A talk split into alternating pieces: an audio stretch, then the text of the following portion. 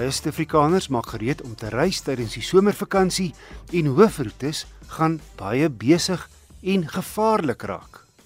Die bestuurende direkteur van driving.co.za, Rob Hanfield Jones, sê jy as bestuurder moet nie net ten alle tye bewus wees wat jy agter die stuur doen nie, maar ook bewus wees wat alles om jou op die pad gebeur dit is die basiese beginsel van verdedigende bestuur. Jy weet soos die woord sou voorstel, verdedig jy jouself teen foute wat jy dalk self kon gemaak het, foute wat ander mense maak en as die toestande waaronder jy bestuur sou verswak, jy weet swak lig, swak weer, swak padoppervlakte en dis meer. Dit is die hele beginsel van verdedigende veilige bestuur. Rob, wat is die tipiese foute wat bestuurders maak? Kyk as ons mense oplei, sien ons hoofsaaklik die foute wat hulle maak nie moetswillige foute is nie. Dis meer goed wat hulle nooit geleer is nie, want die vaardigheidsstel wat 'n mens as jy jou rybewys toets gaan doen, is 'n baie eenvoudige basiese vaardigheidsstel.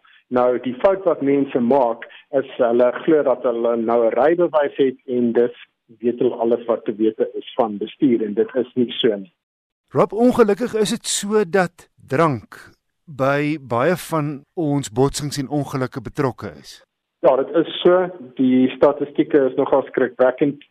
55% van mense wat op Suid-Afrika se paaie doodgaan, is onder die invloed van drank en as 'n mens na bestuurders kyk, dan is die persentasie 58%.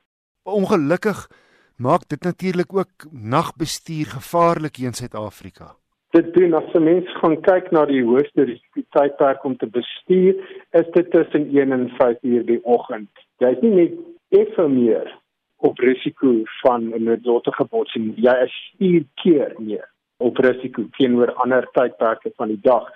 En as 'n mens nou gaan kyk na die oorhoofse faktore daar agter, daar is natuurlik dronkbestuur wat ons reeds bespreek het. Daar is vermoeidheid baie bestuurders ry as hulle nie behoorlik uitgerus is nie dan begin hulle slaap raak of hulle kan nie behoorlik konsentreer nie. Maar dan staan ook die heel grootste faktor en dit is die sigbaarheid wat bestuurders aanvaar sonder om te weet hoeveel presies vir hulle gesien kan word. As jy 120 en is jy dalk in staat as iets voor jou sou instap so 'n maar bok of 'n kar voor jou e-draai maak om binne daai afstand te reageer en te kan stop. Maar wat gebeur is mense ry 120 in hulle hoofligte is op brights en dan domp hulle die hoofligte waar jou maksimum veilige spoed 70 is, maar hulle verminder die spoed nie. Dit is hmm. te gek jy ry met 'n blinde doek om jou kop. Rob Handfield Jones van driving.co.za